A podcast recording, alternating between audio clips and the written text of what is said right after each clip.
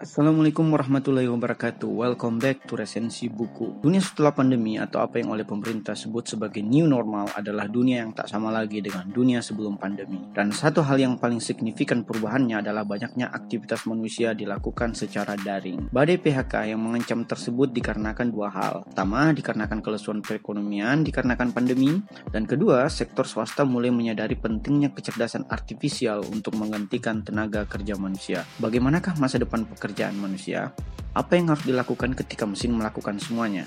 Inilah pertanyaan sekaligus judul buku yang kita akan bahas dalam resensi kali ini. Buku tersebut merupakan karya dari para pebisnis dari Cognizant, suatu korporasi yang bergerak pada bidang ketenagakerjaan dan teknologi. Mereka adalah Malcolm Frank, Paul Rohrig, dan Ben Pring. Terjemahan Indonesia buku ini diterbitkan oleh Alex Media Computindo pada tahun 2018. Buku ini tersusun atas 12 bab yang tersebar ke dalam 208 halaman. Cerdasan artifisial atau kecerdasan buatan buatan bukanlah mesin atau robot yang meniru manusia untuk menggantikan pekerjaan manusia. Definisi tersebut teramat antroposentris menurut penulis. Kecerdasan artifisial adalah area komputer yang berfokus pada mesin pembelajar.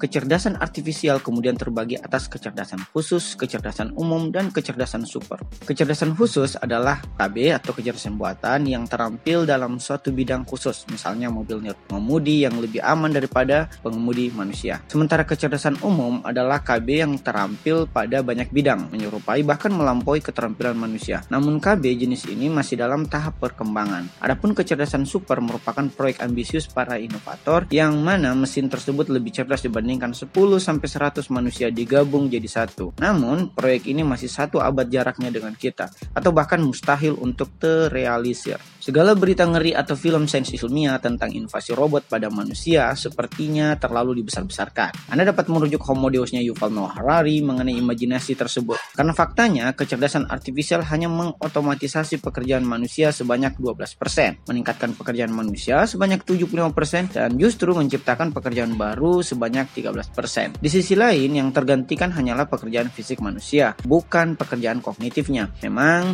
banyak pekerjaan akan hilang, namun banyak pula pekerjaan baru akan hadir. Memang banyak pekerjaan yang tergantikan, tapi tugas-tugas khusus akan hadir yang memungkinkan manusia untuk bekerja pada banyak perusahaan tanpa harus datang ke kantor. Penulis kemudian merekomendasikan prinsip modal AHID bagi siapa saja pekerja atau pebisnis yang ingin tetap relevan pada abad digital ini. AHID merupakan akronim dari lima konsep yang mewakili setiap huruf tersebut. Pertama, otomatisasi. Otomatisasi segala hal yang Anda bisa, karena dengan otomatisasi Anda mempermurah dan mempercepat biaya dan proses produksi. Kedua, halo.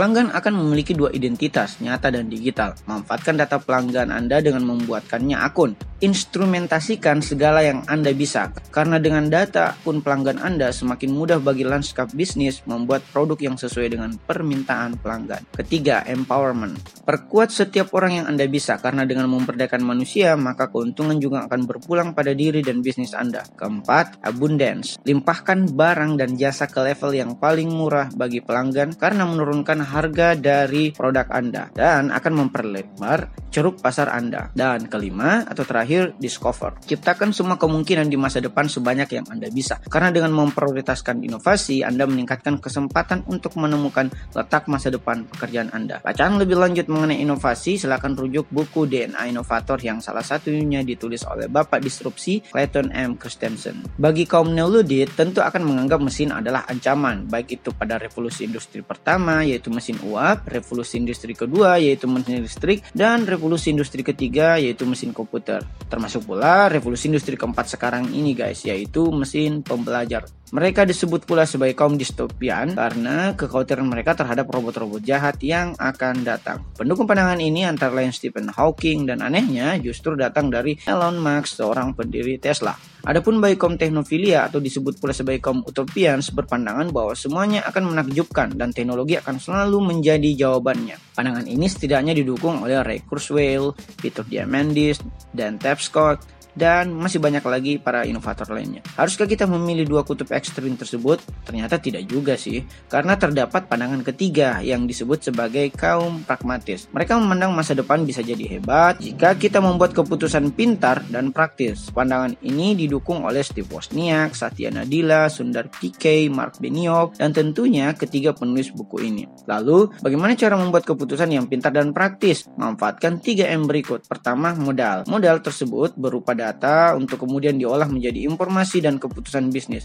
Kedua, mesin. Gunakan kelima modal ahead di atas, mesinkan sebanyak mungkin. Dan ketiga, model bisnis. Data dan mesin saja tidak cukup untuk mendatangkan uang. Diperlukan model bisnis agar keuntungan datang kepada bisnis Anda. Dan jangan tersebar pada kesuksesan vendor Feng. Vendor Feng ini adalah akronim dari Facebook, Amazon, Netflix, dan Google. Model bisnis mereka belum tentu sukses diterapkan pada bisnis Anda. Nah, adapun perspektif kami sebagai resentor, buku ini dapat Anda jadikan referensi untuk mengembangkan skill individu Anda dalam bekerja atau dalam landscape bisnis yang lebih luas. Anda juga dapat melengkapi wawasan tentang abad digital dengan membaca Homo Yuval Noah Harari, Manusia Digitalnya Chris Skinner, Industry of the Future-nya Alex Ross, hingga Revolusi Industri keempatnya Klaus Schwab. Lima buku tersebut dibuat dalam satu dekade terakhir yang tentunya relevan dalam membahas seputar abad digital yang paling mutakhir. Seperti kata tiga penulis buku ini, kita bisa memilih pilihan ketiga, yaitu kaum pragmatis, dibanding dua kutub ekstrim lainnya, yaitu kaum distopian di satu sisi dan kaum utopians di sisi yang lain.